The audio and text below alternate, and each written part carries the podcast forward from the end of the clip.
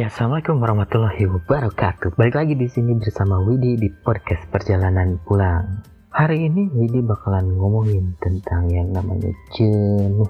Masih di 30 hari bersuara, Widi bakalan ngomongin jenuhnya lebih ke spesifik dalam beribadah ya. Pernah nggak sih kalian itu merasakan jenuh dalam beribadah? Pastilah ya, nggak mungkin nggak ada yang nggak ngalamin gitu kadang kita tuh ngerasa jenuh dalam beribadah. Kadang males ya memang eh, tabiat manusia tuh males kali ya. Jenuh dalam beribadah itu bisa dikarenakan karena lagi turunnya keimanan kita. Ya pasti diakibatkan oleh diri kita sendiri pastinya. Keimanan itu turun biasanya karena kita melakukan perilaku maksiat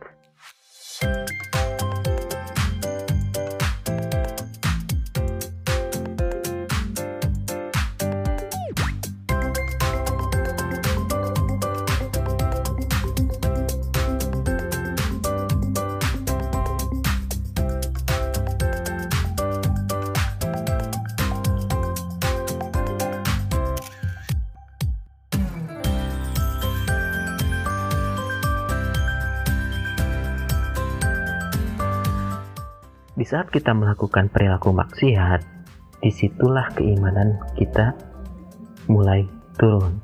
Tapi ada korelasinya dengan perintah ibadah sendiri sebenarnya. Ketentuan ibadah itu melakukan yang Allah Subhanahu wa taala perintahkan dan menjauhi yang menjauhi yang Allah Subhanahu wa taala larang. Jadi di saat keimanan kita itu sedang kuat karena kita melakukan perintahnya, Allah menjaganya juga jangan maksiat jadi keimanan kitanya pol tapi di saat kita melakukan kemaksiatan yang dilarang Allah pastinya itu pasti menurunkan keimanan banget Oke, Widi bakal ngasih beberapa tips-tips tipis agar kita tidak jenuh dalam beribadah. Yang pertama,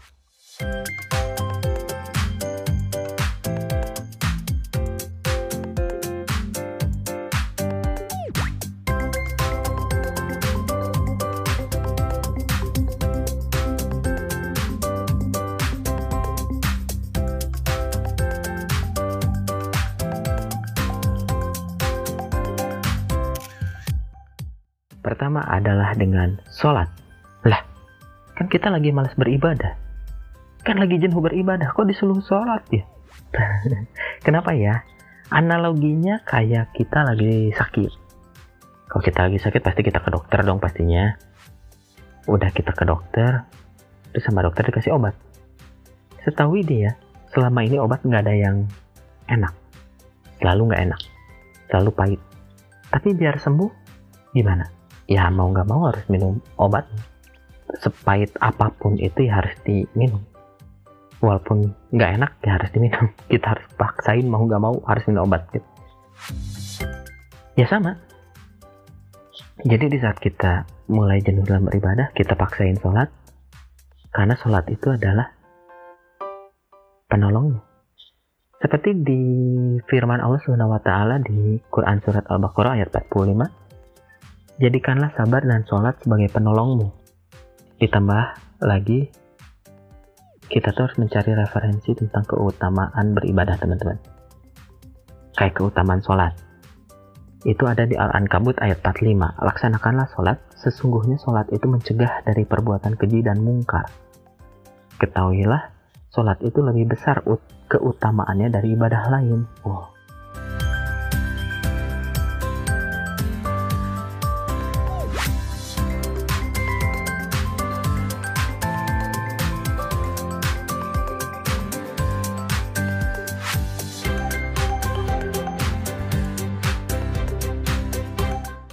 jadi semangat lagi tuh. Kita tahu oh ada keutamaannya nih. Terus ditambah lagi di uh, firman Allah di surat Al-Baqarah ayat 186 dan apabila hambaku bertanya tentang aku sesungguhnya aku dekat.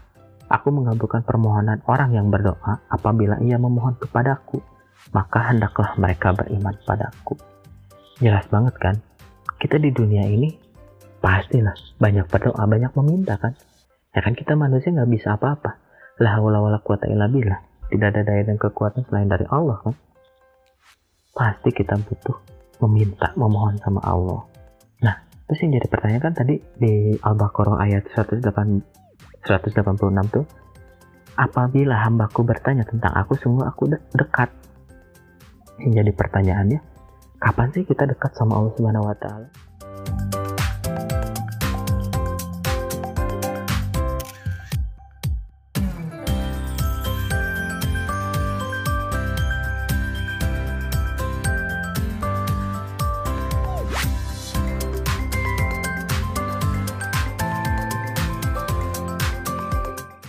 Dijawab di hadis Rasulullah SAW, keadaan seseorang hamba paling dekat dengan robnya adalah ketika ia sedang bersujud.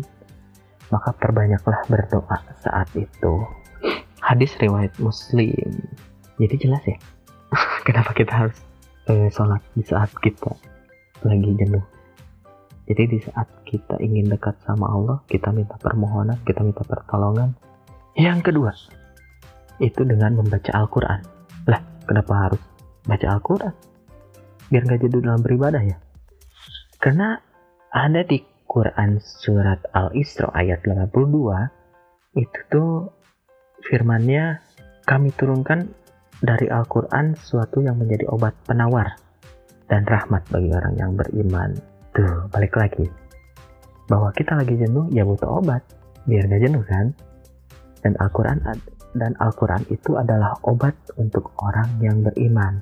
Ditegasin lagi oleh Ibnu Qayyim al-Jauziyah, membaca Al-Quran dapat mengobati penyakit jasmani dan rohani seseorang. Yuk, mulai baca Al-Quran teman-teman. Biar tetap sehat lahir batin, ditambah lagi ada hadis dari Rasulullah SAW tuh, bacalah Al-Quran karena sesungguhnya pada hari kiamat ia akan hadir memberikan pertolongan kepada orang-orang yang membacanya. Hadis riwayat bayi bayi hak.